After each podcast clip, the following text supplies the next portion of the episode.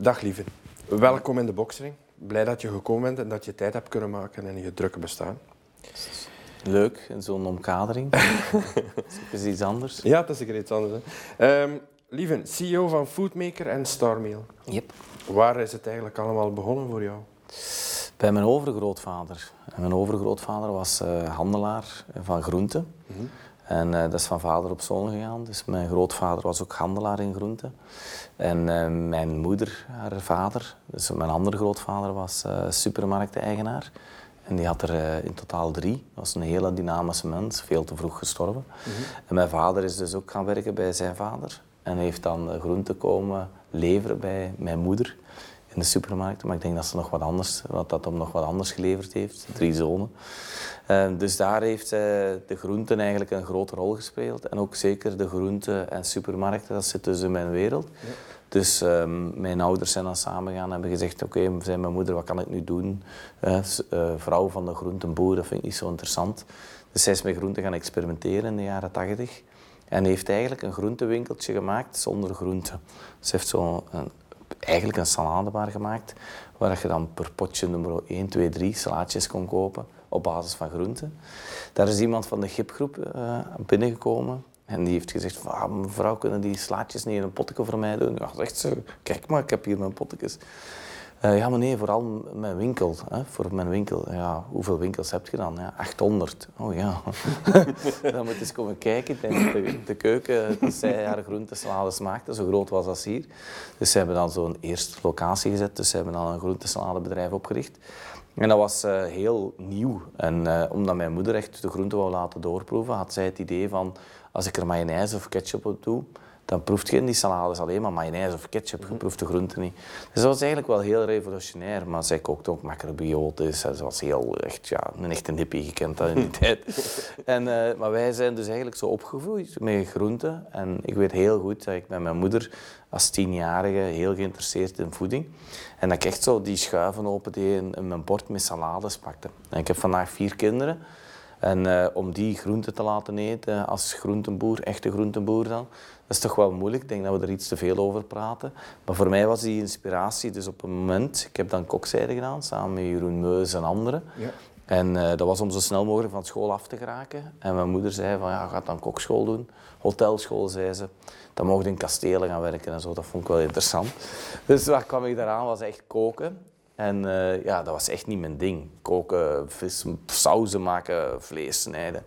En uh, toen was ik uh, chef planche, ofwel van de koude kleuken, keuken. Dus de groentjes snijden. Mm -hmm. De echte koks, die vinden dat niet interessant. Dus ik was echt rauwkost altijd aan het snijden. Dus weer op die groenten. En voor mij was dat zo van, als ik 18 werd, ging ik dan uh, hotelmanagement studeren. Samen met mijn huidige aankoopdirecteur. En ik zat dan, dat is 1996, en ik zat in Antwerpen, in een stad. En ik dacht zo, wauw dat idee van ons moeder, zo die soort saladebar, zo met die groentesalades, die, al die jonge mensen hier. Wij waren toen in Diesta, was dat winkeltje. Ik zeg, hier in de grote stad, ik ga dat proberen. En in juli heb ik dan mijn eerste saladebar open gedaan. Ik kocht de groentesalades bij mijn moeder. Ik verrijkte dan met fruitsalades, of met groentesap of fruitsappen. En mensen konden dat bij mij komen afhalen. En uh, dat was een stand van vier meter, met van achter een keuken, hè, waar ik dan wat fruit snee en wat, soepen maakte. En dat was het, maar dat was een heel groot succes. Dus dan ben ik uh, niet gaan studeren in september, maar in uh, oktober mijn tweede zaak opengedaan. En zes maanden later mijn zesde, mijn derde. En dan waren we met dertig mensen, hadden wij drie saladebars. Dat noemden we ook gewoon saladebar, dus ik had niet echt marketingwijs erover nagedacht. Het was een groot succes. En toen deden wij ongeveer een miljoen euro. En dan kwamen daar mensen aan, weer van de gipgroep. En die zei, ja, we hebben Piepzout, we hebben Quick en wij hebben de opdracht gekregen om uh, een nieuw concept te doen en we willen een broodjesbar doen. Maar je moeder zei van, ga eens naar mijn zoon zien, die heeft een saladebar. Dus we zijn wel eens benieuwd. En daar is eigenlijk, dat waren de mensen van Exki. Uh, die dan eigenlijk ook een beetje een concept hebben gedaan met broodjes, slaatjes en zo. En op dat moment, als ik in Antwerpen was, uh, leerde ik ook de mensen van Foodmaker kennen. Dat was ook een jonge gast. En die had in Londen Pret-à-Manger gezien. En pret à manger waren die driehoek sandwiches zo. Die ja, nu overal in de pret. Dus ik kom, ging daar een sandwich eten. Maar ja, ik, ik, had alleen maar groentesalades, jonge gast, alle geld erin geïnvesteerd. Dus ik was heel blij van een sandwich. Dus wij wisselden salades en broodjes uit met elkaar. En dus daarmee kende ik die wel. En die heeft dan eh, een hele snelle groei gehad, omdat daar eh, van alle bedrijven in zaten, zoals Van Hol van de bussen. Ja. Dus die hebben dat gefund om dan diversificatie te doen. Eh. En dus die dachten ook zo van, dat gaat wel iets worden. En dat is dan mislopen. Dus die mensen van Foodmaker zijn dan naar mij gekomen. Hebben gezegd van, ja, jij hebt de productie, wij hebben een concept, kunnen we dat niet doen? Ik zeg, ja, maar ja, jij doet slecht eten aan een dure prijs, ik kan me daar niet mee vereenzelvigen. Uh, ik wil echt kwaliteit en, en aan zo laag mogelijk prijs. En zij waren echt duur, vond ik, voor wat dat ze deden. Dus dat fixte niet. En uh, toen uh, zijn ze daarna, heb ik dan mijn eigen uh, saladebar terug open gedaan onder het merk Starmeal. En dat zat elke dag vol. en de mensen, amai, wat een succes. Wat succes hier zit 100 man en de, mensen moesten dan komen naar de saladebar. Op een porseleinen bord legden wij dan die slaatjes, zoals echt een restaurantketen het eet. En dan kreeg, moesten 3 euro betalen. Dus ik had 300 euro per dag. Ja, en dat restaurant kostte meer dan 1000 euro per dag gewoon om open te doen. Dus dat heb ik maar zes maanden kunnen volhouden. Dus dat was niet echt een, een uh, succesverhaal. En dan kwam de foodmaker terug naar mij. Zeg, maar dat was een prachtig concept, zeg mannen het is goed, ja, maar we kunnen dat toch wel mixen. Dus zijn we terug aan de praat gegaan. En ik had dan met mijn saladebedrijf een heel duidelijke filosofie. Uh, wat is voor mij gezondheid, wat is voor mij salades? Dat is eigenlijk groenten, wassen, snijden, koken, stomen en dan dressings maken. Maar dan ook eigenlijk altijd, wat kunnen we ermee doen? Dus voor mij is een groentesalade, een pastasalade, een broodje. Dus ik begon echt heel veel te experimenteren.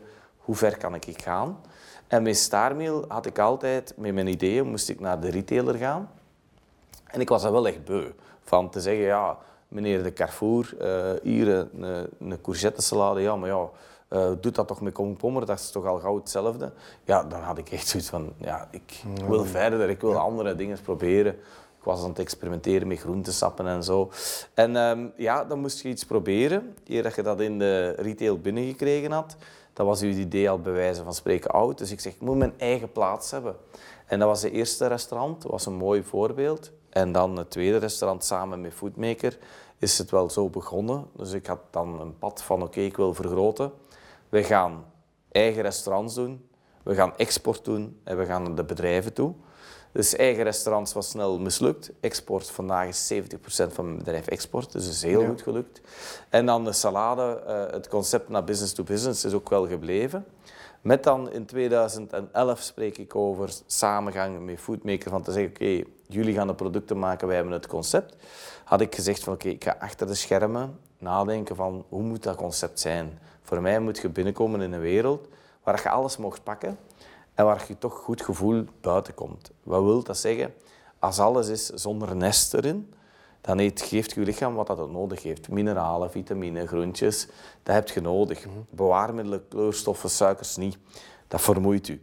En dus dat was mijn droom van, oké, alles, je moet hier alles kunnen grijpen. En ik was toen aan het spreken met Vincent Company. En die zei ook tegen mij, dat zou toch wel tof zijn als jij dit kunt binnenwezen en je kunt alles vertrouwen. Je kunt gewoon met je ogen dichtwinkelen.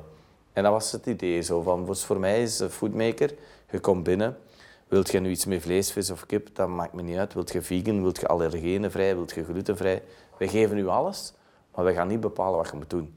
En daarvoor kunnen we experimenteren. En ja, als eerste, het eerste restaurant in het nieuwe concept, dat ging van echt een, een omzet van 100 naar 150. Dus ik dacht van ja, dit werkt dus wel. Dus dan heb ik gevraagd aan de mensen van de Foodmaker, ik wil alles veranderen. En ik heb een echt extreme visie in gezondheid. Dus ik wil al die winkels verbouwen en helemaal een nieuw concept zetten. En zei, ja, man, we hebben nu al zoveel jaren moeilijkheden, financieel en zo, dat durven we niet meer. Voor zoveel risico nemen. Mhm. Dan zeg ik, ja, maar dan doe ik dat wel alleen. Uh, dus heb ik ze uitgekocht en heb ik heel het concept naar de hand gezet samen met mijn team.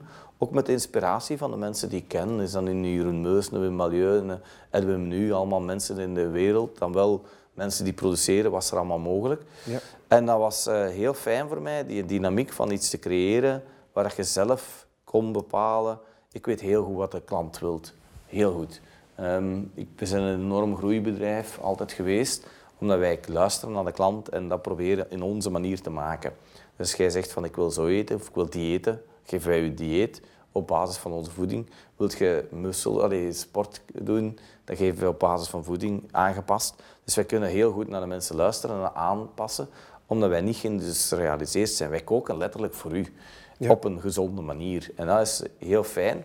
Als je dan je eigen restaurantformule hebt, waar je al die dingen kunt, uh, uh, kunt proberen en experimenteren, dan is dat heel tof dat je dan eigenlijk de retail kunt inspireren. Ja, dus de retail komt naar mij, die zegt, zeg lieve, die soepen die zijn zo geweldig. Ja, maar die zijn heel duur. Wij hebben tomaten aan 2,50 euro die kilo. Dat zijn speciale gekweekte biotomaten die een smaak hebben die ik super vind en die in mijn salades perfect zijn. Maar je kunt ook een slaap kopen die half rot is of, of C-kwaliteit of D-kwaliteit. In de soep gaat dat dan niet merken. Je kunt er ook diepvries in gooien, wat de meeste producenten doen. Maar die smaak is dag en nacht verschil. Maar je begint met een basisgrondstof van een halve euro de kilo, of van 1 van 2,5 euro de kilo. Ja, dat is dag en nacht verschil. Maar als de consument echt op die soep gaat, kun je wel naar de retailer gaan en zeggen, ja, de consument proeft het verschil. Ik had vroeger de soepen van een Culinor, hè, dat wij aankochten met Foodmaker. Wij deden 100, we doen nu 400.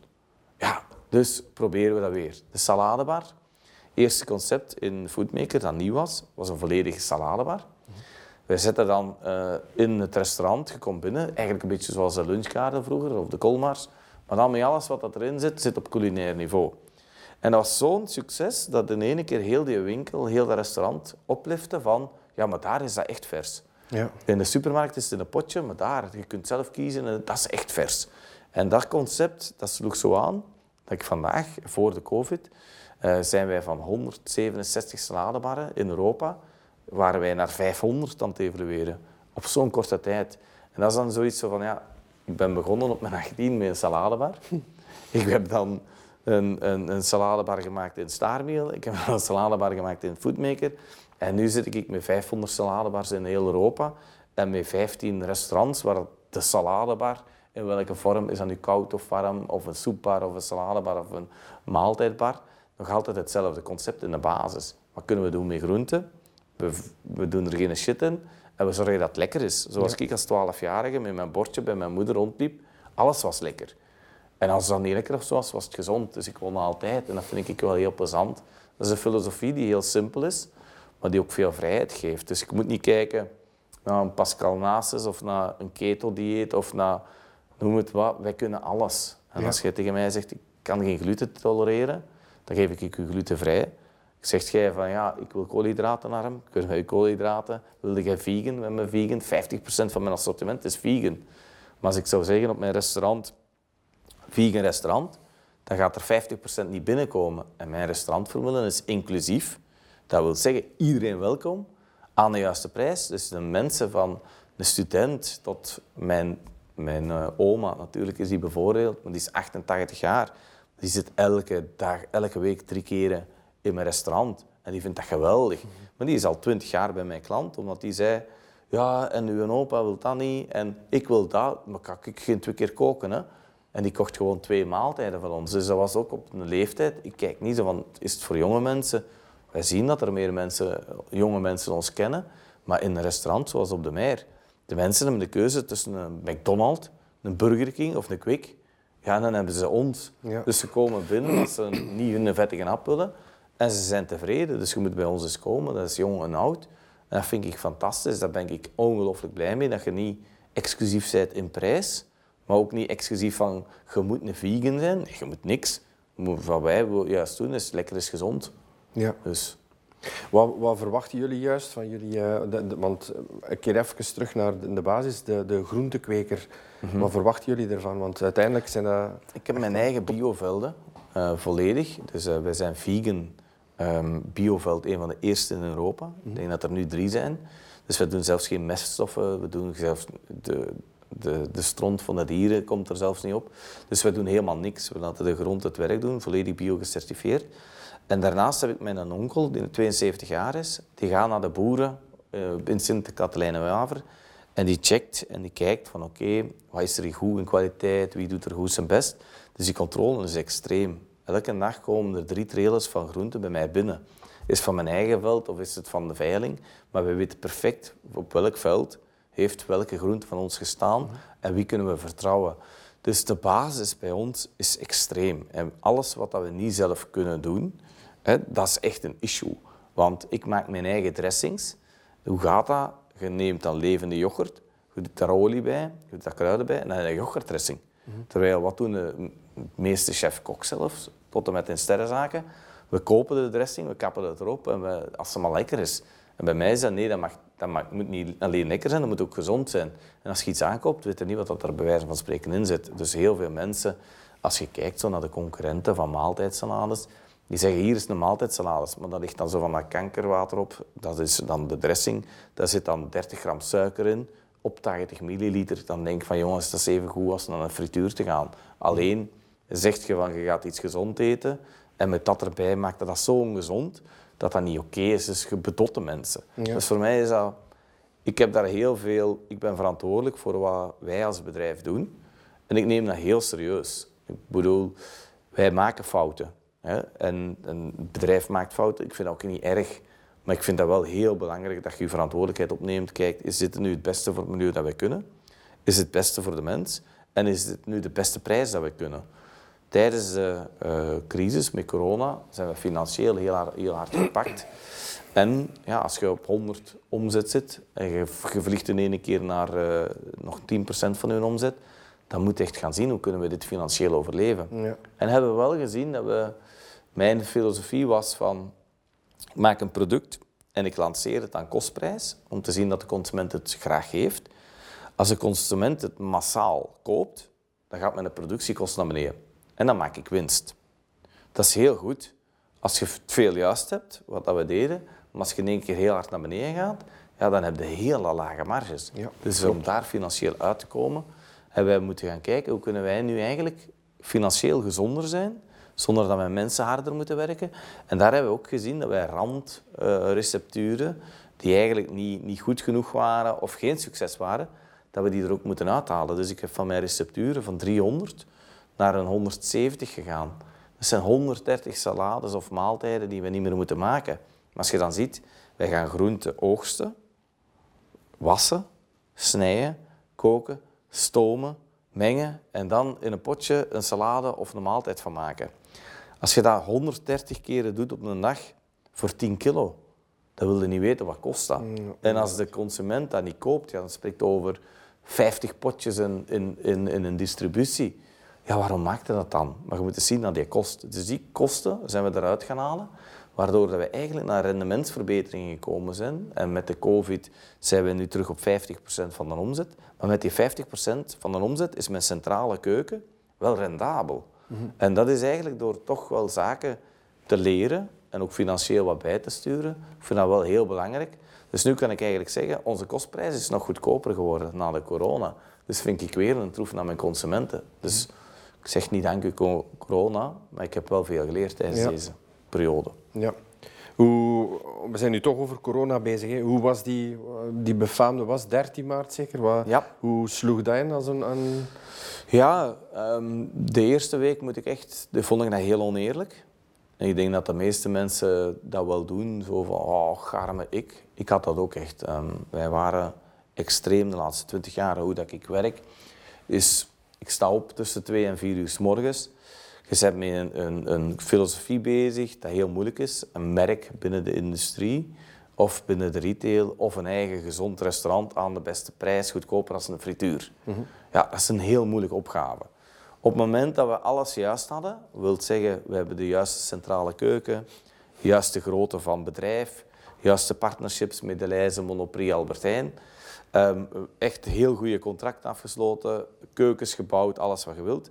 En op dat moment komt je op de omzet dat je nodig hebt om terug winst te maken of klaar te staan. Ja, en daar heb je echt wel twintig jaar dag en nacht voor gewerkt. Bijna lijkt een zot of bijna lijkt een dictator.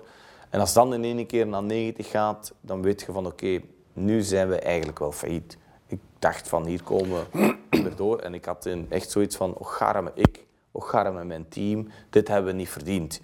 Dat heeft een week geduurd, misschien nog niet. En heb ik echt mijn team bijeengeroepen. Hebben wij ook verdeeld van de helft werkt van thuis, de helft werkt op de bureau. Om, ja, als er besmettingen op de bureau zijn, kunnen we naar uitwijken, kunnen we wisselen, teams. Dus de teams gewoon echt opgesplitst. En ze hebben echt gaan, wat, kunnen we doen? Wij mogen, hè, mijn grootste klant Airlines, we mogen niet meer vliegen. Oké. Mijn allergrootste klant, uh, mijn eigen restaurant, je mocht niet meer komen. Bedrijven zijn dicht, dat is nummer drie. En dan de steden zijn in lockdown. Dus je mocht in Parijs niet meer buiten komen. Ik doe drie trailers per dag naar Parijs, omdat die mensen kwaliteit willen. Dus die groentesalades in Parijs is, is mijn grootste klant is Monoprix. En dus die mochten niet meer gaan leveren.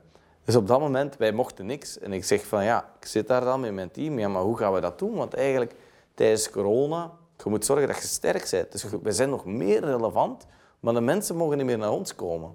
En toen was ja, we moeten naar de mensen. Ik zeg, ja, maar ja, gekoeld transport naar de mensen, dat is onbetaalbaar, dat kan niet.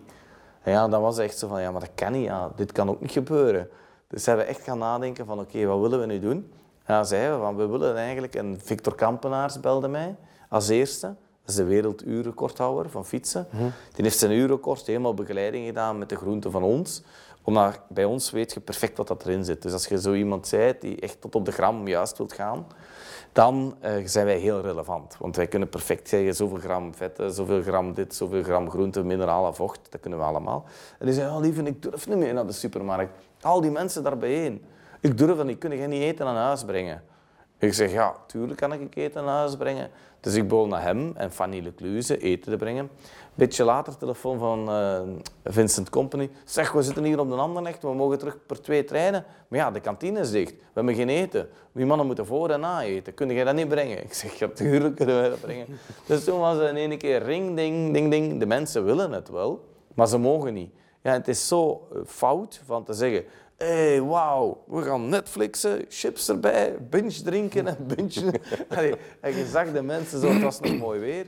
En ik zeg, dit is zo unreal, dit kan echt niet. We moeten de mensen proberen te informeren van, eet alsjeblieft groenten, ga gezond, ga sporten. Juist omgekeerd van wat de Belg deed. Ja. Barbecue, we worden betaald en we zitten hier in de zon. Oh, het kon niet op. En ik zag echt misgaan. Ik had echt heel veel verantwoordelijkheidsgevoel van, dit komt echt niet goed.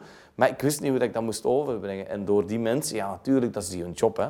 Allee, als die Vincent speelde toen ook nog, uh, Victor Campenaars, was voor zijn contract aan het rijden. Als die mensen besmet raken, ja, dat is einde carrière, bij wijze van spreken. Dus voor hun is dat zo relevant. Maar als je dat kunt overbrengen naar de mensen die zeggen van ja, ik zit hier niet thuis. En dan begon Jeroen Meus tegen mij oh, hij zegt gewoon, ik kook ik wel graag, maar elke dag drie keer koken, ben ik ook wel beuend geraakt. Ik zeg, breng ik u wel eten? Dus met hem begon ik ook te babbelen. Hij zegt, ja, maar ja, je hebt toch restaurant eten? De mensen willen toch op restaurant, ze kunnen niet meer op restaurant. Breng dat dan aan de mensen. En al die discussies samen zeggen van ja, we moeten het gaan brengen. En dan hebben ze gedacht van oké, die restaurants zijn allemaal dicht. Dus we zijn aan de leverancier van die restaurants gegaan. Hij zegt ja, uw camionetjes of uw camions. Wow, 30 camions stil, oh, we kunnen niet meer. En met mensen. Dat was een hele begane gast. Maar ja, ik neem ze allemaal. Ik zeg, maar jij gaat dat naar huis brengen aan die prijs. Oh, maar is goed, zegt hij, maar we hebben toch niks te doen. De camions staan hier, we gaan dat doen. Dus dan hadden we eigenlijk een vegpack uh, gelanceerd. Want wij zeiden veg versus virus. Het is altijd geweten, groente staat niet ter discussie. Nooit. Als je een zalm eet, vol eh, antibiotica, mhm. ja, wat eet er nog? Is dat nog gezond? Als je dat vlees opeet, sorry, ik weet niet wat er allemaal ingespoten is, jullie ook niet. Maar groenten staan niet dus ter discussie als het niet gemodificeerd is. Dus bij ons was dat, die groente, veg versus virus, is, is echt relevant.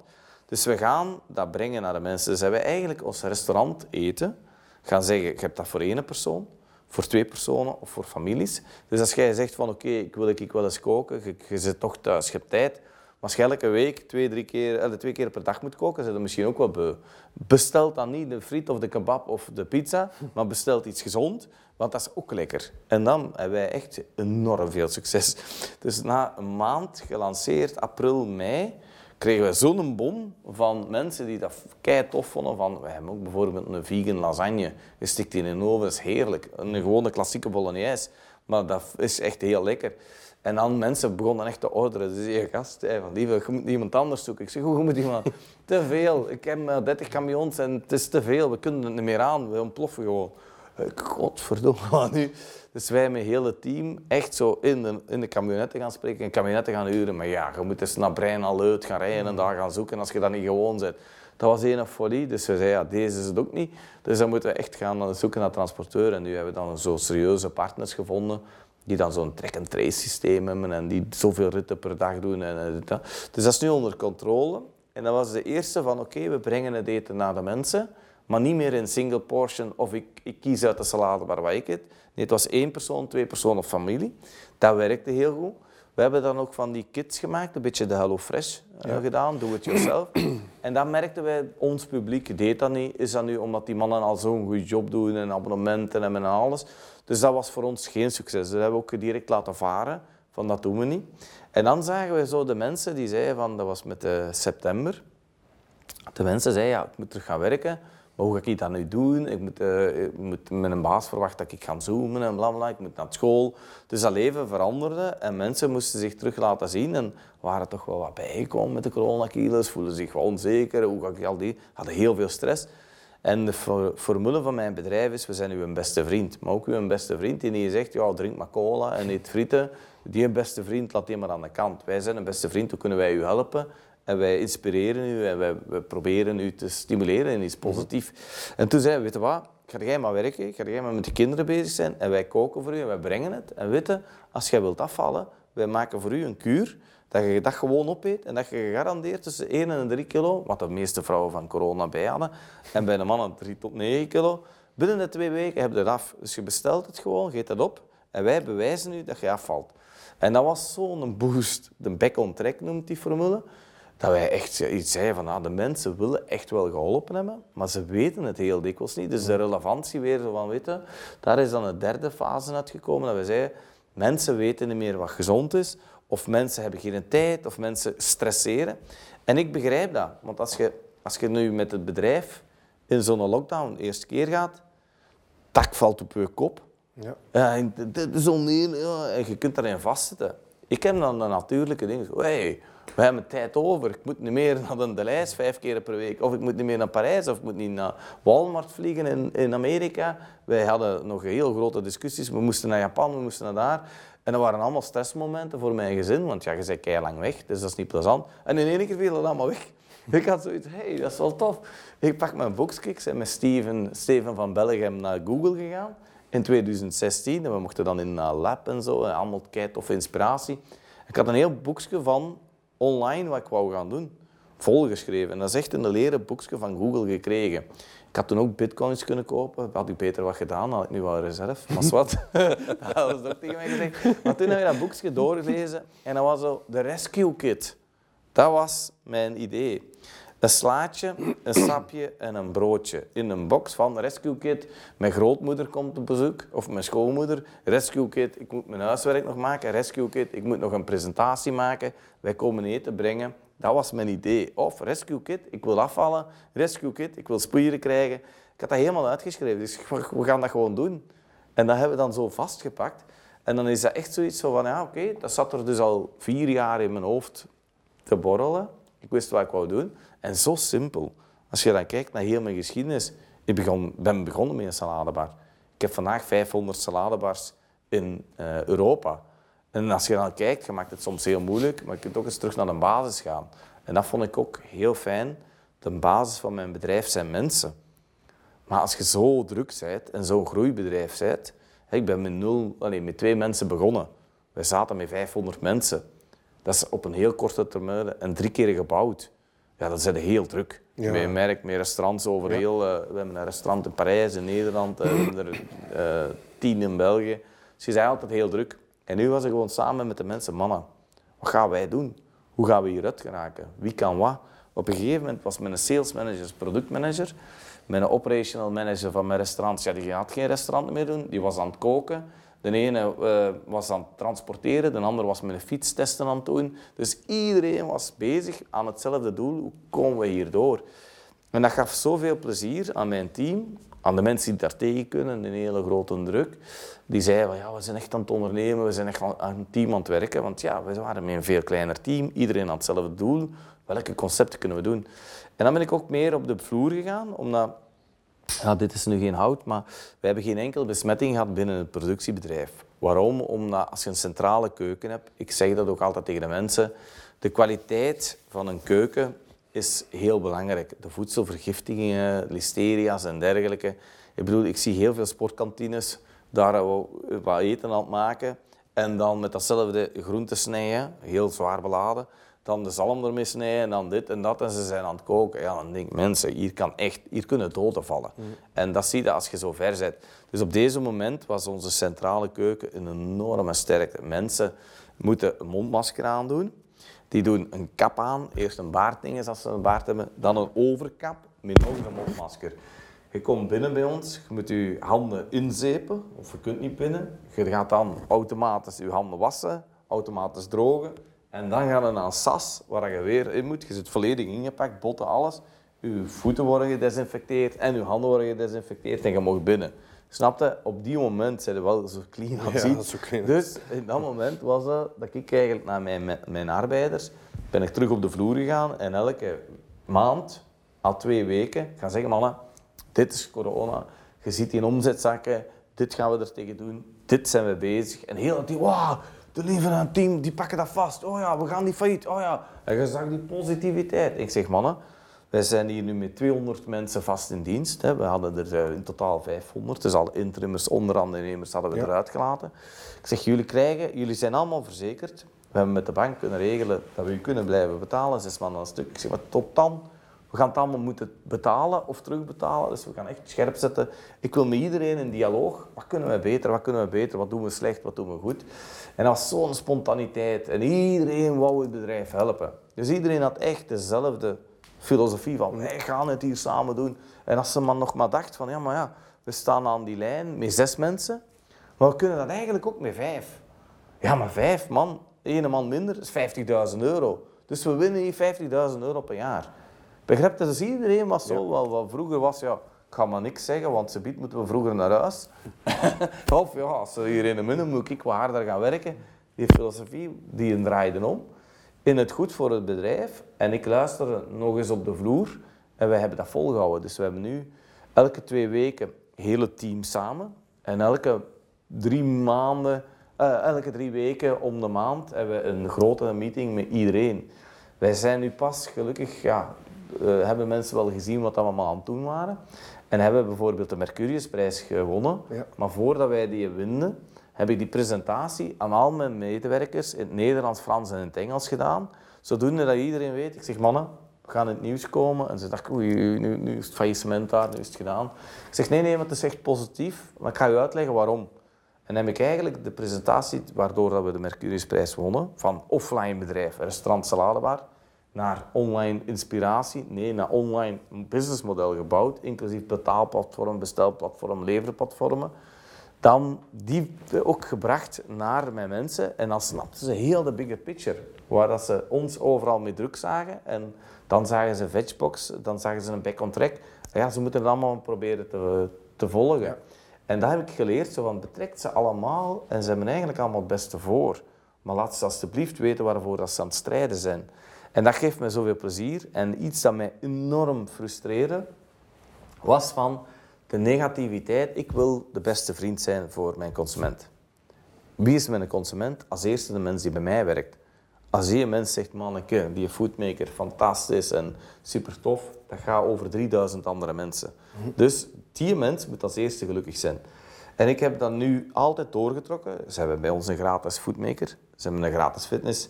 Ik begeleid de mensen in lopen, ik begeleid de mensen in diëtisch. Alles doen wij voor de mensen. We hebben nu een productie gebouwd, mensen hebben daglicht, dus iedereen kan naar buiten kijken. De koelingen zijn zo ontwikkeld dat dat niet op de mensen valt. Dus alles gedaan voor de mensen.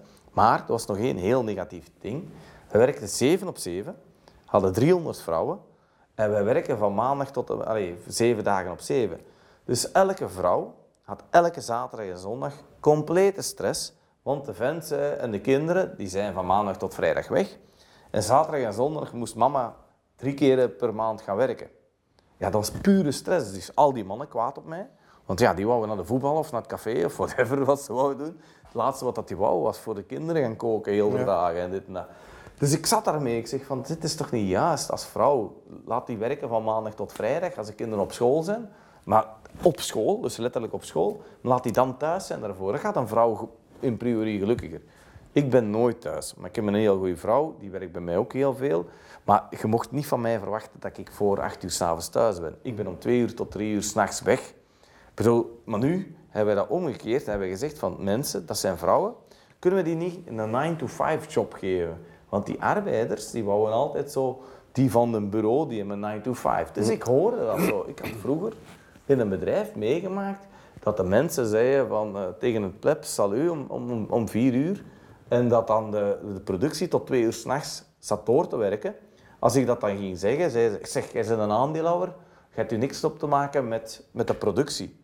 Ik was er zo kwaad voor, voor die mentaliteit. Hoe jij mocht, als het mooi weer is, om vier uur vertrekken. En die arbeiders moeten hier staan tot twaalf uur. En in mijn eigen bedrijf was het ook zo. Ze moesten van zes tot twee werken. Was het veel werk, was het tot vier. Ze moesten op zaterdag, zondag werken. En dan van twee uur tot tien uur. Welke vrouw wil om tien uur s'avonds thuiskomen? Mm Dan heb je heel ding met je kinderen gemist. En daar ben ik gaan op bestuderen. Ik zeg, ja, we hadden twaalf lijnen. Met al die mensen aan. In drie shiften. Zeg, door die corona doen we misschien hè, tien keer zo weinig. Zeg maar, eigenlijk hebben we de plaats. En, dus wij zijn alles gaan plannen. Zodoende dat we eigenlijk de nachtproductie, de dagproductie en de avondproductie op één productie tussen 8 en 5 konden plannen. En dus nu werken wij sinds de corona, en dat is nu al zes maanden, werken wij van maandag tot vrijdag. En werken wij van 7 uur of 8 uur s morgens, ik moet er, eraan aan, aan de drukte, tot 3, 4 uur in de namiddag. En wij, sinds de corona was het volume heel laag. We zijn terug in volume opgegaan. En wij plannen gewoon meerdere lijnen door de dag. Omdat wij voor de corona echt groeiden, hebben we ook twee verdiepingen. Dus wij hebben zoveel lijnen dat wij eigenlijk het volume, wat dat vroeger vijf keer zo groot was, nu over de dag doen. En je moet bij ons binnenkomen. Iedereen loopt daar met een smile rond. Iedereen, al die vrouwen zijn dolgelukkig, want die hebben een kantoorjob. En die hebben iets wat ze graag doen, heel veel afwisseling. In een heel mooie locatie, heel mooie omgeving. En mijn productiviteit is met 50% gestegen. Dus in die end, als we terug op volume komen, gaat dat ons ongelooflijk snel uit die corona-financiële cijfers ook halen. Mhm. Want het rendement per mens is 50% meer. Ja. Dus je moet eens zien wat dat je doet.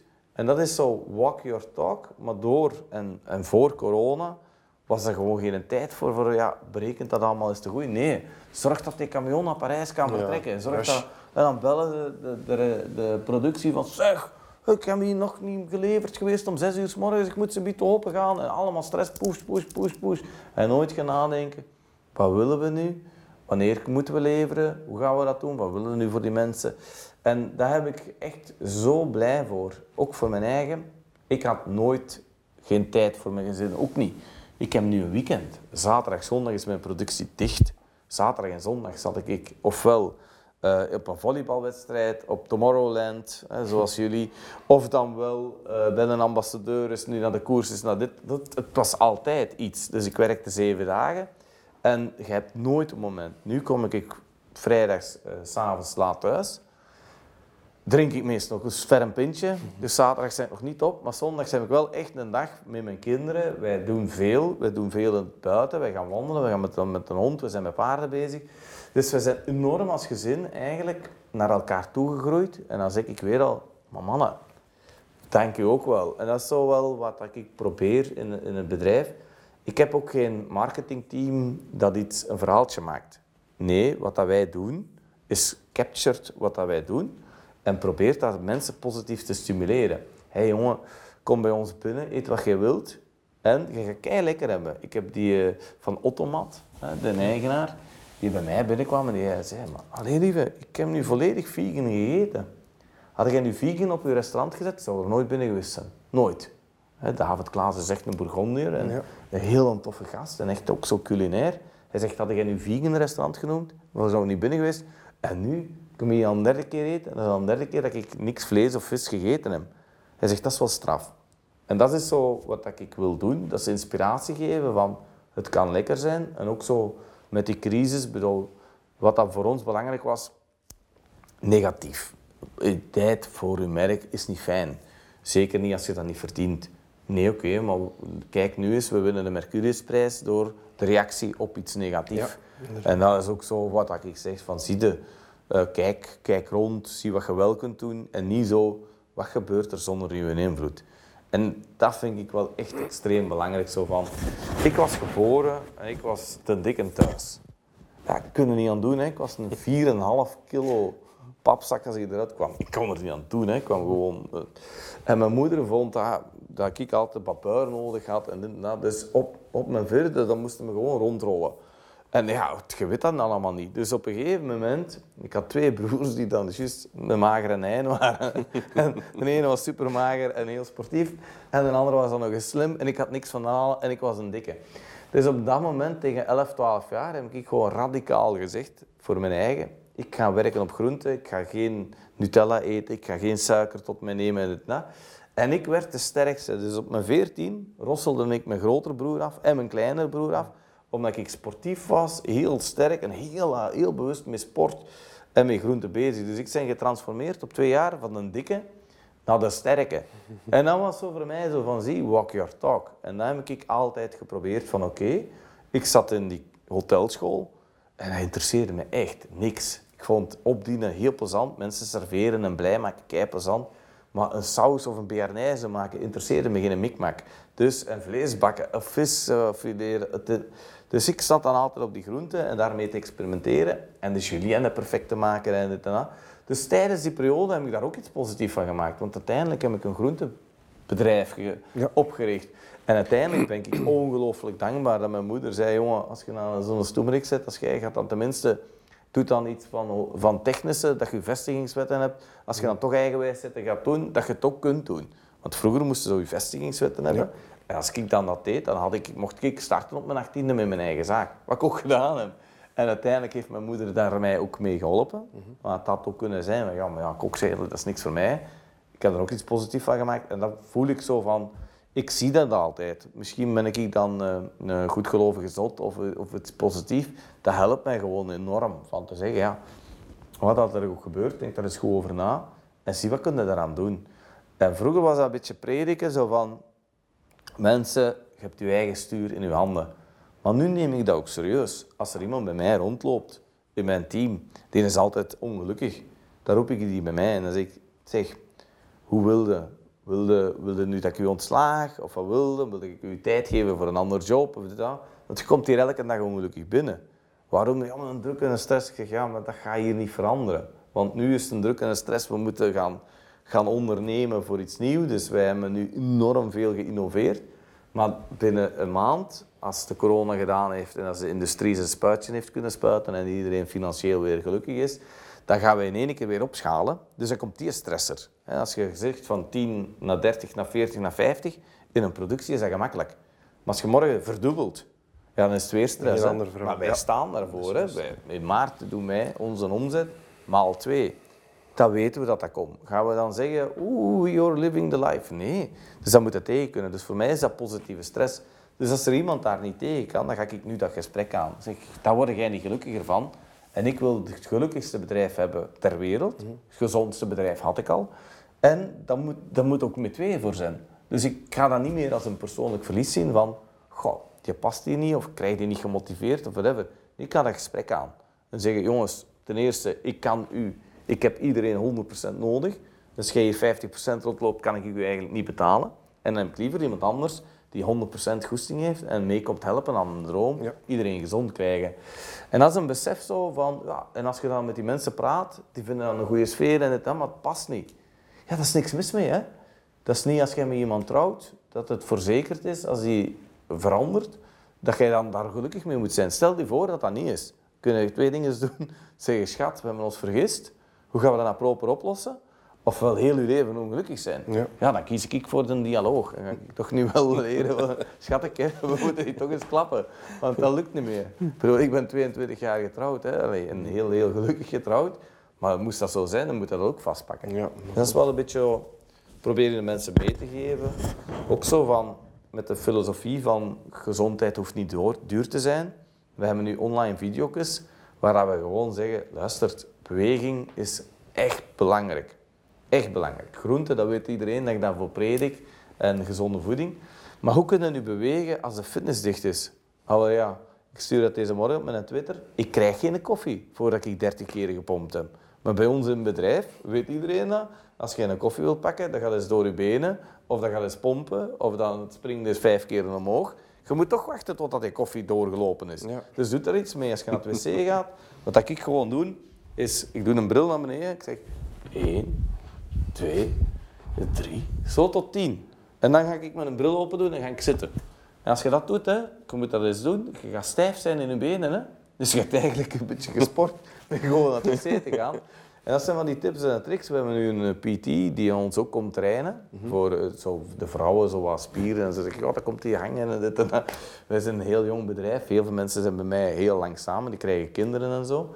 En dan laten we die PT gewoon met zijn eigen lichaamsgewicht filmpjes maken. Hoe kunnen nu sporten zonder 1 euro uit te geven? Je kunt dat zo, hoe dat jij aangekleed bent, of zo, hoe ik in Ja. FDMK. Je kunt gewoon eraan beginnen zonder dat je moet naar de fitness gaan. Dus er zijn geen excuses. Dat vind ik tof, zo. dat zijn van dingen. Ja, maar dat is wel tof. Daar, hè, daar hebben wij eigenlijk gelijk in. Eigenlijk, als ik daaraan denk, als je nu zoals ik 10 koffies op een dag doet, dan heb je 300 keer gepompt. Ja, dan moet je niet veel gaan fitnessen. Nee, dat is inderdaad. dat is toch wel een kleintje. Dus. Daarmee. Dat vind ik wel plezant, van die positieve stimulans.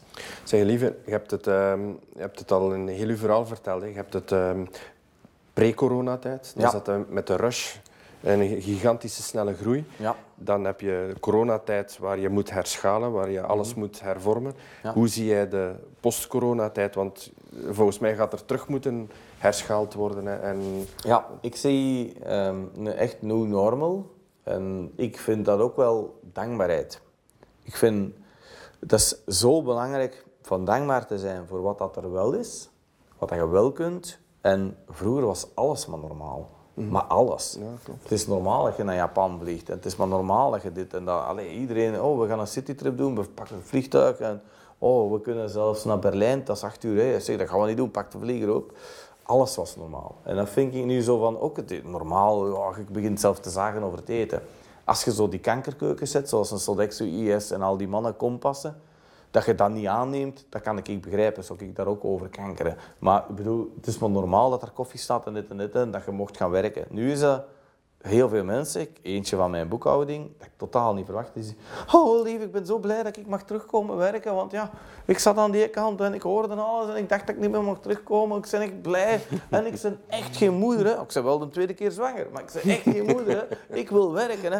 Ik zeg, ja, ik wil het huiswerk van mijn kinderen ook niet doen, omdat ik bijna ligt te stuiteren, snapte? Dus elk zijn ding. En dan is dat zo van, vroeger zou die al wel wat meer zeggen, oh, dan moet je weer gaan werken, oeh. En nu was dat, hey, ik ben dankbaar dat ik mag komen werken. En dat is echt iets dat ik wel vind voor post ehm, corona. Onthoud dat. Onthoud dat. Loopt uw eigen ook niet voorbij. Ik heb dat ook gezegd. Ik krijg telefoons uit, uit de hele wereld nog van wanneer kunnen we terug opstarten. Wij waren aan het praten met Walmart in Amerika voor daar een productie op te zetten. Ik zeg, mannen, even relax. Ik ga eerst met een eigen winkel mijn contracten bij Deleuze, bij Albert Heijn, bij Monoprix opwer- op, opschalen. Ga daar mijn tijd voor nemen. Dus ga ik overseas naar Asda in, eh, in 2022 of in 23 naar de US. I don't care. Komt dat ooit nog, maakt me niet uit. Ik ben dankbaar als mijn klanten vandaag tevreden zijn die ik heb. Als die doen wat ze moeten doen om rendabel te zijn. En ik denk wel dat de bewustwording van de mensen voor gezondheid, dat is er wel gekomen. Dus ik denk, iedereen zo, zoals wij, wij zitten echt in de healthcare. Als de mensen foodmakers eten, ze worden op twee weken tijd, Philip Geubels kende, Ja. komiek, heeft back-on-track gedaan. Je hebt een metabolische leeftijd. Dat wil zeggen, welk vet, welk spier, welk vocht, alles van u. Dus eigenlijk, uw lichaam, hoe oud is dat nu eigenlijk? Bij Philip, ik mag dat niet zeggen op de kamer, maar was dat, die jongen ziet er goed uit. En die was 49. En, maar die ziet er goed uit. Dus iedereen zegt, oh, maar die is toch goed in vorm. Die back-on-track, daar krijg je niks af. Ik zeg, daar gaat dat niet over. Ik krijg die zijn leeftijd naar beneden. Die was 37 jaar, dus 10 jaar jonger, na twee weken gezond te eten en echt alleen de back-on-track te doen. Als je dan nu ziet naar de toekomst, te zeggen van, meneer de bedrijfsleider, jij faciliteert daar buffstuk friet. Ja, maar dat willen ze. Ja, is goed, ze willen dat. Maar je geeft ze geld om een buffstuk friet te gaan eten. Moet dat toch niet gaan faciliteren? Als jij faciliteert dat ze hun groenten, dat ze nodig hebben, hun energie, hun mineralen en vitamine voor de dag te presteren. Als je dat geeft, dan zeg jij toch verantwoordelijk. Je moet ze toch niet vergiftigen. Want als je dat eten geeft, zo'n volle van van de lunchgarde, je valt achterover in slaap op je bureau, allee, achterover niet of, of van voor. En dan zeg je, nu moet je gaan werken. Ja, het was wel lekker. Ja, oké, maar dat moet je toch niet geven. Dat ze dat zaterdag of zondag gaan eten, wat maakt u dat nu uit?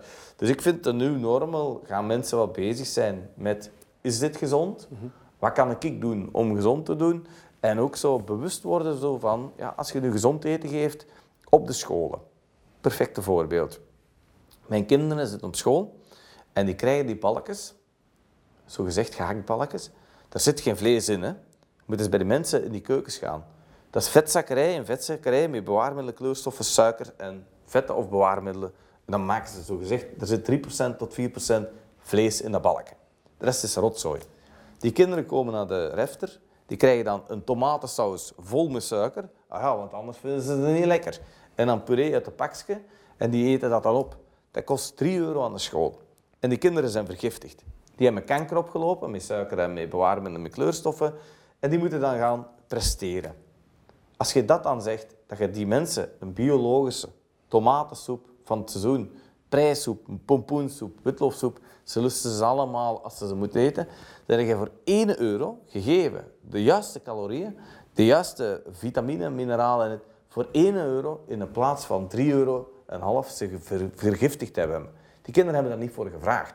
Maar die gaan dan duur wel zeggen, ik wil ook, die uh, puree hebben met die tomatensaus. Ja, het is vol met suiker. Ze zijn helemaal verslaafd. Dat zijn zaken die niet kunnen. Dat zijn zaken waar ik hoop van dat de COVID heeft gezegd, ja man, kijken het toch wel allemaal eens door de juiste bril. En zoiets, ja, het is allemaal goed en wel, maar dit is toch niet serieus. Ah nee, zeven keren meer kans voor corona in de IC te geraken als je obese bent. Zeven keer meer kans. Ja, maar we gaan wel heel de wereld plat leggen. Maar we gaan dat niet zeggen. Mannen, let erop. Let erop, we gaan het nu allemaal samen, dat is uw verantwoordelijkheid. En zeker als verantwoordelijke, zoals een CEO of bedrijfsleider, faciliteert dat de mensen. He, zegt van, mannen, we gaan samen een keer sporten, we gaan lessen. Bij ons komt Tia Hellebout elke donderdag lesgeven. Eerst was het start to waggle, dan was het start to run. Nu lopen die mannen een 10 mile, 10 miles. Maar je moet eens zien, hè, mijn moeder, die werkt bij mij drie dagen. Dat is de Queen of Green, noem ik ze altijd. Ze maakt nog altijd de groentesalades. En die heeft in het begin 40 jaar gesport. Die kan zelfs niet op de fiets fietsen. Dus die kan niet alleen van sport. Die loopt de 10 miles. Die heeft nu deze zomer 10 kilometer gelopen en die gaat in april moest de 10 miles doorgaan, 16 kilometer lopen. Die zegt, lieve, mijn leven is veranderd. En dat is gewoon doordat die hellebout die heeft opgepakt. Tijdens de uren gaan die een uur hè, lopen en nu lopen die elke week, donderdags, 10 kilometer. En dan heel mijn team, arbeiders, bedienden, we zijn ongeveer met uh, 10 miles, waren we met 100 mensen van de 200, die gewoon de 10 miles meelopen. Dat was dan de eerste 5 kilometer en 16 kilometer. Dat is toch geweldig? Dus wat kost mij dat? Een uur van de mensen, van half vijf tot half zes gaan we. Ja, de meeste bedrijven, om vier uur is iedereen al koffie aan het drinken of uh, alles aan het inpakken. Dus wij spenderen een uur samen. Ik, Tia helpt die mensen. Van, hey, ik ben Olympisch kampioen en ik loop met u mee, ik help jullie. En dat is nu al twee jaar. En die groep die is daar. En we hebben een snelle groep, een trage groep en, en een startersgroep. Mm En wij lopen gewoon ons toerken een uur later, iedereen goed gezind. Dat zijn van die kleine dingen dat ik vind dat, dat moet bewustwording in zijn. Dankbaarheid ook zo van, ja, we hebben hier een bedrijf, we hebben financieel gezond. Ik krijg heel veel aanvragen nu. Normaal is het een nieuwjaarsreceptie. Drinken, hapjes en dat. Dat gaat allemaal niet meer. Zeg, ja, maar ja, geeft ze dan eigenlijk een gezondheidspakket. Hè? We gaan dit jaar eens gezond starten. Dus geef ze lekker soepje, een salade en een maaltijd. Ze hebben perfect gegeten voor minder als de hapjes kost en de, de drankkost. Ik zeg niet dat je nooit iets mocht drinken, maar als baas stimuleert dat. Zeg mannen, dit jaar gaan we het anders doen. Wij geven u een, extra leven, we geven u gezondheid. We gaan dat faciliteren voor u. Dus in plaats van daar eh, een, een worstenbroodje of whatever, of kroketten of wat is, geven wij een gezond pakket en je gaat dat voelen, gaat u beter voelen. Philip Geubels komt naar mij en hij zegt, doe die een bek trek nu, maar vier keer per dag voetmaker eten, wat doe je eigenlijk? je maakt de mensen wel echt beu van je merk. Ze gaan zeggen, hey, die foodmaker moet niet meer hebben. Ik zeg, ja veel, dat is waar. Ik, ga, ik moet erop denken, ik ga die back on track maar een week doen. Als iedereen al maar een week en de filosofie mee heeft van, ik eet gefaseerd mhm. en nooit te veel. Wat doen wij als Belg? We staan op, we vertrekken, koffie is dit en dat. Dan krijgen we een craving, we vreten. En s'avonds, shit, ik heb nog niet gegeten. En een, een spaghetti van een gemiddelde Belg, dat is één kilo voedsel. om dan in mijn zetel te gaan liggen en de koolhydraten en de regie beust door je lijf, dan denk ik, slaap onrustig. Ja, tuurlijk. En dan komt het erbij. En de Philip die zegt tegen mij van, lieve, ik wil de back on track doen. Na twee weken. Ik bel, ik zeg, Philip, maar dat kan toch niet? Je zei, wordt toch beu? Hij zegt, ja, nee, die energie dat ik had, ik voelde me een nieuwe mens. Ik zeg, ja, maar je terug verdikt of wat is? Niks, ik ben niet verdikt, maar ik heb geen energie meer. Dus doordat je het juiste geeft aan de mensen, krijg je het juiste binnen. En je lichaam zegt gewoon, oh, dank u, dank u, dank u. En zegt niet, wat heb je aangedaan? Ik ben er half doe het van. Wij gingen in het beste restaurant van de spaghetti eten. En je kent het dan nog niet over nagedacht. En P. Klak, je moet er zijn. Iedereen kent dat in ja. Altstad, alleen dat Brussel. En ik daarheen, en ik met mijn sales manager.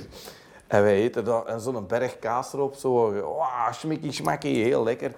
En we reden alle twee terug. We konden zelfs niet meer aan het bureau geraken. We waren echt aan, het neerkrasje van de zwaarheid van die kaas en dit en dat. We hadden heel lekker gegeten, maar ja, dat, bedoel, dat moet je niet doen. Dat moet je s'avonds in een zetel kruipen, dat zou dan kunnen. Maar dat is niet oké. Dus je moet echt wel een beetje bewust worden.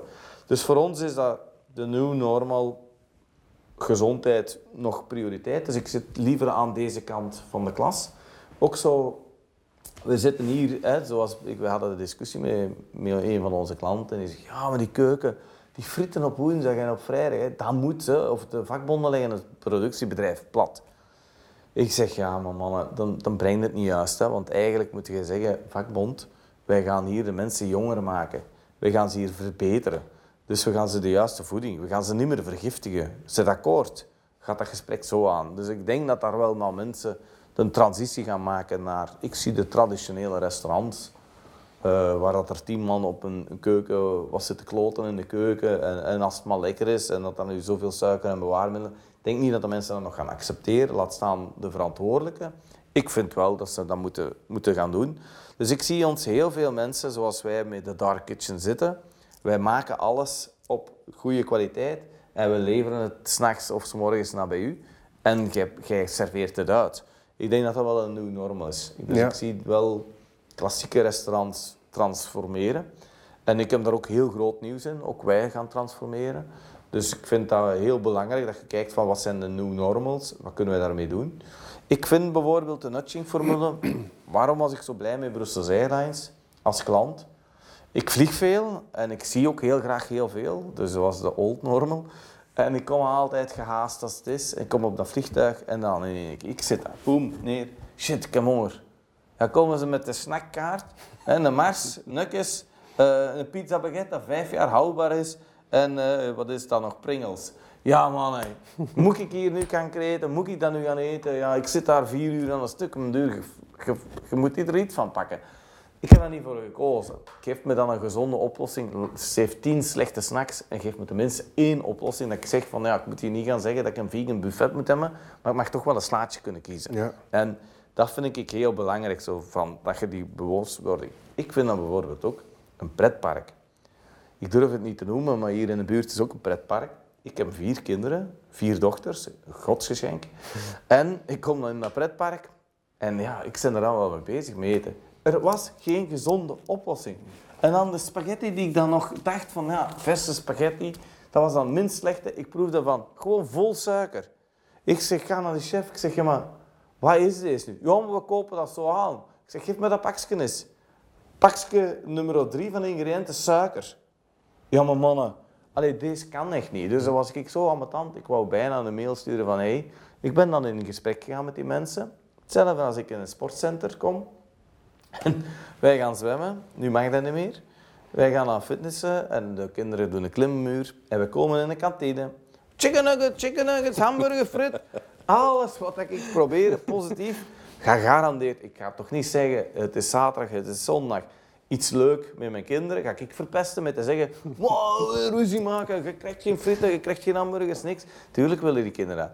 Dus ik ga naar die gast in een mail. Ik zeg, mannen, jij bent echt een toffe CEO, maar deze kan toch niet? Ja, maar ja, dat zijn zelfstandigen, ik heb daar niks mee te maken. Ik zeg, hoe? Ze zitten toch onder uw dak? Ik zeg, jij hebt daar wel mee te maken. Drie weken later, telefoon, zeg, ik wil over zitten nadenken. Dat kan toch niet, hè? Ik zeg, nee, dat kan niet. nu hebben wij een contract getekend dat wij alle sportkantines gaan ombouwen naar een foodmaker. Ja, het makes sense, hè? Jij komt daar wel met je kinderen om positiviteit. Gaat toch niet verfukken met direct frieten te, boemen, bim, te verplicht te eten. en nu dat, ze gaan ook een balkjes in tomatensaus hebben. Alleen een tomatensoep met balkjes hebben. Maar wel met echte vleesbalkjes en wel met echte tomaten. Ze gaan ook een lasagne hebben. Ze gaan ook een vegan optie hebben. Maar het gaat wel niet zijn de, de, de chicken nuggets gefrituurd of de frieten gefrituurd. Dat gaan we niet meer krijgen. Of de pizza uit een diepvries in de oven gestoken. Dat gaan we ook niet meer krijgen. Dus het is wel allemaal gezond. Ja. Een kind hoeft niet. Tenzij mijn kinderen, ze eten moeilijk groente. Ik denk dat wij te veel over gezonde voeding bezig zijn. Als de ene eet veel fruit, de andere eet wel groente. En het is zo'n beetje een mix, maar het is toch altijd wel een beetje een issue. Maar als ik thuis kom zonder tomatensoep, dan is het wel aan bras. Dus bedoel, het is ongelooflijk lekker. Het is dan ook weer een recept van mijn moeder uh, gemaakt. En dat is fantastisch lekker en dat is kei gezond. Dus het kan wel. Ja. Het hoeft niet duur te zijn. Dus ik vind dat wel zo nieuw, normaal. Dankbaarheid vind ik wel heel belangrijk. En ook zo van, ja mannen, denk er eens over na en je hebt wel wat verantwoordelijkheden. Ik vind ook dat we ten opzichte van de maatschappij een verantwoordelijkheid hebben. Ik had echt schrik als ik dat zag. Heel veel van mijn vrienden, they were living the life. En ik dacht, maar mannen, wie gaat dit weer betalen? Allee, er gaan een half miljoen werklozen komen. Heel veel bedrijven, grote bedrijven, weet wat dat die aan het doen zijn? De bureaus aan het inkrimpen. Hè? Ja. Die zien, wow, we hebben duizend mensen thuis en de bad blijft draaien. Waarom hebben we ze nodig? Opkuisen. En dat is een realiteit die ik zie gebeuren. En dan denk ik van, mannen, we kunnen er wel allemaal tegen gaan vechten. Dus we moeten er wel iets mee gaan doen. Maar je moet er zelf ook iets aan mee beginnen. Als jij zegt van, ja, tijdens die corona drink ik al een glas meer. Iedereen zal het wel doen. De stress die er is, dat is ook...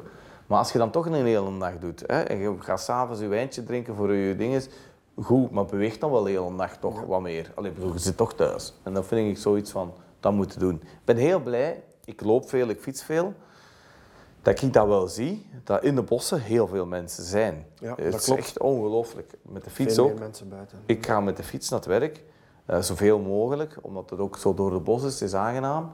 En ik loop soms naar het werk, maar nu, ik moet echt dus door de bos dat ik ga. En dat vind ik wel zalig. Ik bedoel, ik vind dat, ja, vind wel plezant. Dus eigenlijk post-corona is ehm, bedrijven meer inzetten op veel gezonder eten in hun Ja. keukens Ja. serveren en mensen vooral gezonder maken. Mijn ambitie is ehm 10% reconversie. Vorig jaar, 2019, waren er 200 miljoen maaltijden geserveerd in bedrijven. Waarvan zes- 76 negatief zijn gescoren. Laten we dat omdraaien. 50% van de mensen in België heeft te veel gewicht. Dat moeten we aanpakken. Ik bedoel, als je ziet dat de ziekenhuizen worden vastgeklikt, dat de maatschappij wordt dichtgeklikt. En dat is iets dat we echt heel duidelijk bewezen is, daar kunnen we iets aan doen. Laat ons dat dan doen. Niet met het vingertje te wijzen, hè. Ik bedoel, maar gewoon de oplossingen geven en ze faciliteren. Als ik naar het ziekenhuis kom, hè, en je komt daar en je komt terug en je zit daar een rille. Dat is het enigste. Ik heb honger. Je hebt daar zurkjes, Mars, Twix, cola en dan hou het op. Mannen, je wordt geconfronteerd met de dood. Ik bedoel, gaat dan naar de dinges, naar de kantine. En kun je het gezondste is dat je bij je broodjes mos, witte baguette vol suikers, diepvries, dat je dan met mayonaise er goed opgekletst, dat je er dan toch wat groente kunt bijpakken. Ja mannen, deze klopt niet. Dat mag niet. Ik bedoel, de mensen geeft ze daar een gezond restaurant en de mensen gaan dat wel doen, want ze worden juist geconfronteerd van oei, oei, dat is nou toch wel erg. Hè?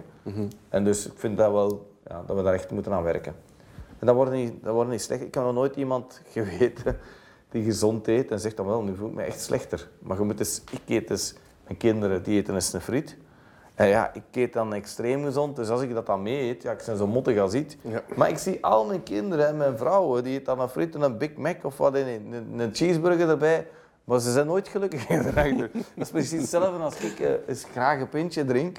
Maar na de tiende heb ik het ook wel gehad. Eh, Dus eh, ik word er dan wel gelukkiger van. Dus ik heb er iets positiefs. Maar bij eten is dat omgekeerd. Sonja Kempen, die leerde me dat. Die zei, lieve, je kunt suikerverslaafd zijn. Op zes weken. Maar je kunt je negativiteit van je cravings, of het nu naar suiker, naar, naar wat dat er ook in is van vergif, dat kun je op vier weken omkeren. En mijn vrouw, als die leren kennen, die at geen salade. Geen, geen, niks. Ik zet een saladekom op het... Hè, als ik een lasagne of een spaghetti, staat er een saladekom. Ik zeg, wat doe jij nu? Zeg ik, geen konijnen?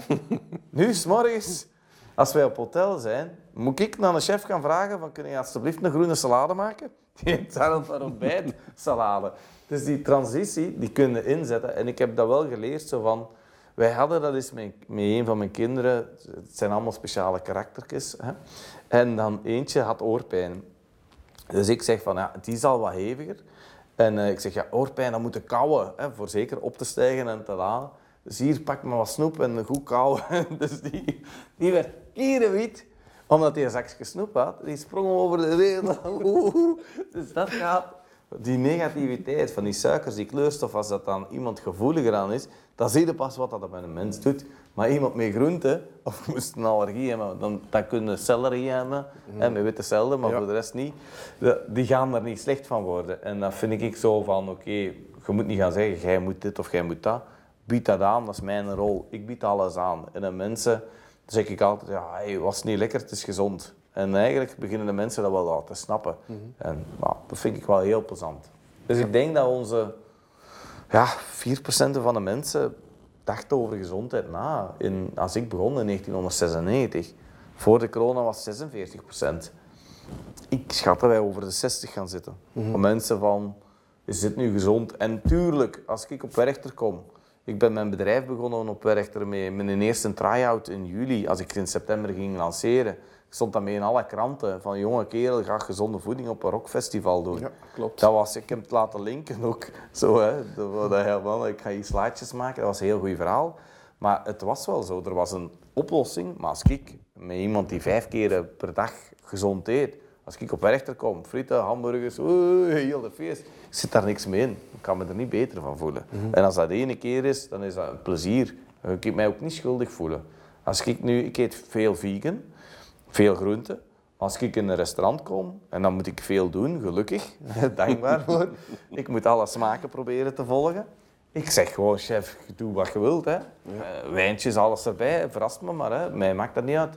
Dus om, maar ik kan ook niet elke dag, zoals de, hè, de sterrenmensen gaan eten elke nacht. Dat is een heel ander ding. Ja, dat is een heel ander verhaal. Eén keer of twee keer in de maand moet ik een restaurant uitkiezen. Ah, mag ik een restaurant kiezen waar ik ga eten voor de smaken. Ja.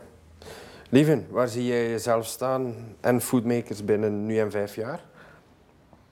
Ik ben heel gelukkig als mijn team gelukkig is en mijn bedrijf en mijn consument. Um, vandaag hebben wij heel veel allee, goede samenwerkingen. En ook geloof, bijvoorbeeld Xavier Pivot van de Leijzen heeft uh, vorige week een achtjarig contract met mij getekend, exclusiviteit over het merk, met enorm veel commitment. En waar hij ook zegt van ja, ik geloof in u, in uw kwaliteit in uw bedrijf. En dat, dat geeft me zo'n voldoening van dat mensen op zo'n niveau zeggen, wij kiezen voor u. Om dat dan waar te maken, van oké, dat hebben we afgesproken, daarvoor dromen we, van dat voor mijn klant waar te maken, dat zien we. Ook zo van de, de, de relevantie van ons bedrijf, wat dat wij prediken, dat, dat is niet zo dat wij iets prediken, maar het is gewoon, wij weten dat een mens die veel voet meekreet en veel beweegt, dat hij gewoon gelukkiger is. Mhm. En als iedereen in deze wereld gelukkig is, ja, dan is het een veel mooiere wereld. En ik heb zoiets van de wereld, is al heel mooi. Maar ik zou dus heel graag hebben dat wij financieel gezond zijn als bedrijf. We hebben echt wel wat schade in te halen hè, deze jaar. Financieel gezond, dat de mensen echt gelukkig zijn en dat wij erkentelijk zijn. Als je kijkt ook de mensen naar rond in België. Ik roep, ik tease een beetje McDonald's mee te zeggen van ja, we gaan meer maaltijden doen als McDonald's. Ik vond dat heel leuk, dat McDonald's de volgende dag een persbericht doet. McDonald's doet 100, gaan naar 100 restaurants. Dus ik ken, iemand die bij McDonald's werkt. Die zegt, ja, we zijn er echt mee bezig. We kunnen dat niet tegen. Maar het is voor mij eer aan McDonald's. Ze zijn duizend keren groter dan ons. Maar ook eer aan ons. We zijn onderdag met gezonde voeding. En we komen wel op een schaal dat we evenveel maaltijden maken als ze in België ja, voor mij is dat wel een groot plezier. Dus de relevantie wordt groter, dus de belangrijkheid ook groter. En de mensen gaan er niet slechter van worden, ze worden er beter van. Dat vind ik heel plezant. Dus vandaag, als we in Europa met de contracten die we hebben en de plannen, wij gaan verdubbelen in elk land. In Parijs verdubbelen we, in, Nederland verdubbelen, in België verdubbelen. Dat is heel mooi, want er zijn nog heel veel andere landen in onze buurt. En dat vind ik wel een uitdaging. Ja. Ik heb nog één vraag voor jou. Mhm. We zitten in een boksring. Voor ons heeft dat een hele grote betekenis. Wat doet dat met jou in een boksring zitten? Heel veel. Um, omdat voor mij is alles een challenge. En ik, ik zie ook graag zo, je zou kunnen zeggen, boksen is iets negatiefs. En ik vind dat juist weer zoiets positiefs. Zo van, ja, je wilt, hè, je traint ervoor en dit en je wilt die overwinning. Dus, en ik vind dat ook, heel veel mensen hebben daar heel veel enthousiasme van. Als je zo'n kampioen ziet zoals Mohamed Ali daar, ja, dat zijn mensen die inspireren, die dan nog uh, praten en zo. Dus die durven voor hun mening uitkomen, was ze nu goed of slecht. Ik vind dat ook wel zo. Ik heb altijd voor mijn eigen mening uitgekomen. En ik heb niet veel gestudeerd, maar ik heb toch wel van Einstein meegekregen. Zo van, ja, als je altijd zegt wat dat je denkt, dan moet je nooit nadenken wat dat je gezegd hebt. Dat vind ik een hele mooie. Dus ik zeg gewoon wat ik denk. Of je dat nu leuk vindt of niet. En I walk my talk. En dat vind ik wel heel plezant. En dat is ook een beetje met de, met de boksen. Het gaat om twee. Ja, degene die het sterkste is, of zich best heeft voorbereid, ja, die wint. Hè. Dat vind ik heel tof. Je kunt gaan zeggen, oh, maar ja, die is veel sterker of die heeft beter genen. Ja, mannen, trainen, dat is alles. Goed op weten letten en dan zien we wie dat daar wint. Ik vind dat wel heel tof. Ja. Lieve, mag ik jou danken en nog heel veel succes toewensen met Foodmaker in de toekomst. Is dat. En nu genoeg eten, volgend jaar goede voornemens. Ja. En dan denk ik ook weer gelukkig. En dan nodigen we, nodigen we u nog eens uit in de box. Goed. Salut. Dank je wel. The Box Ring. Big on small talks.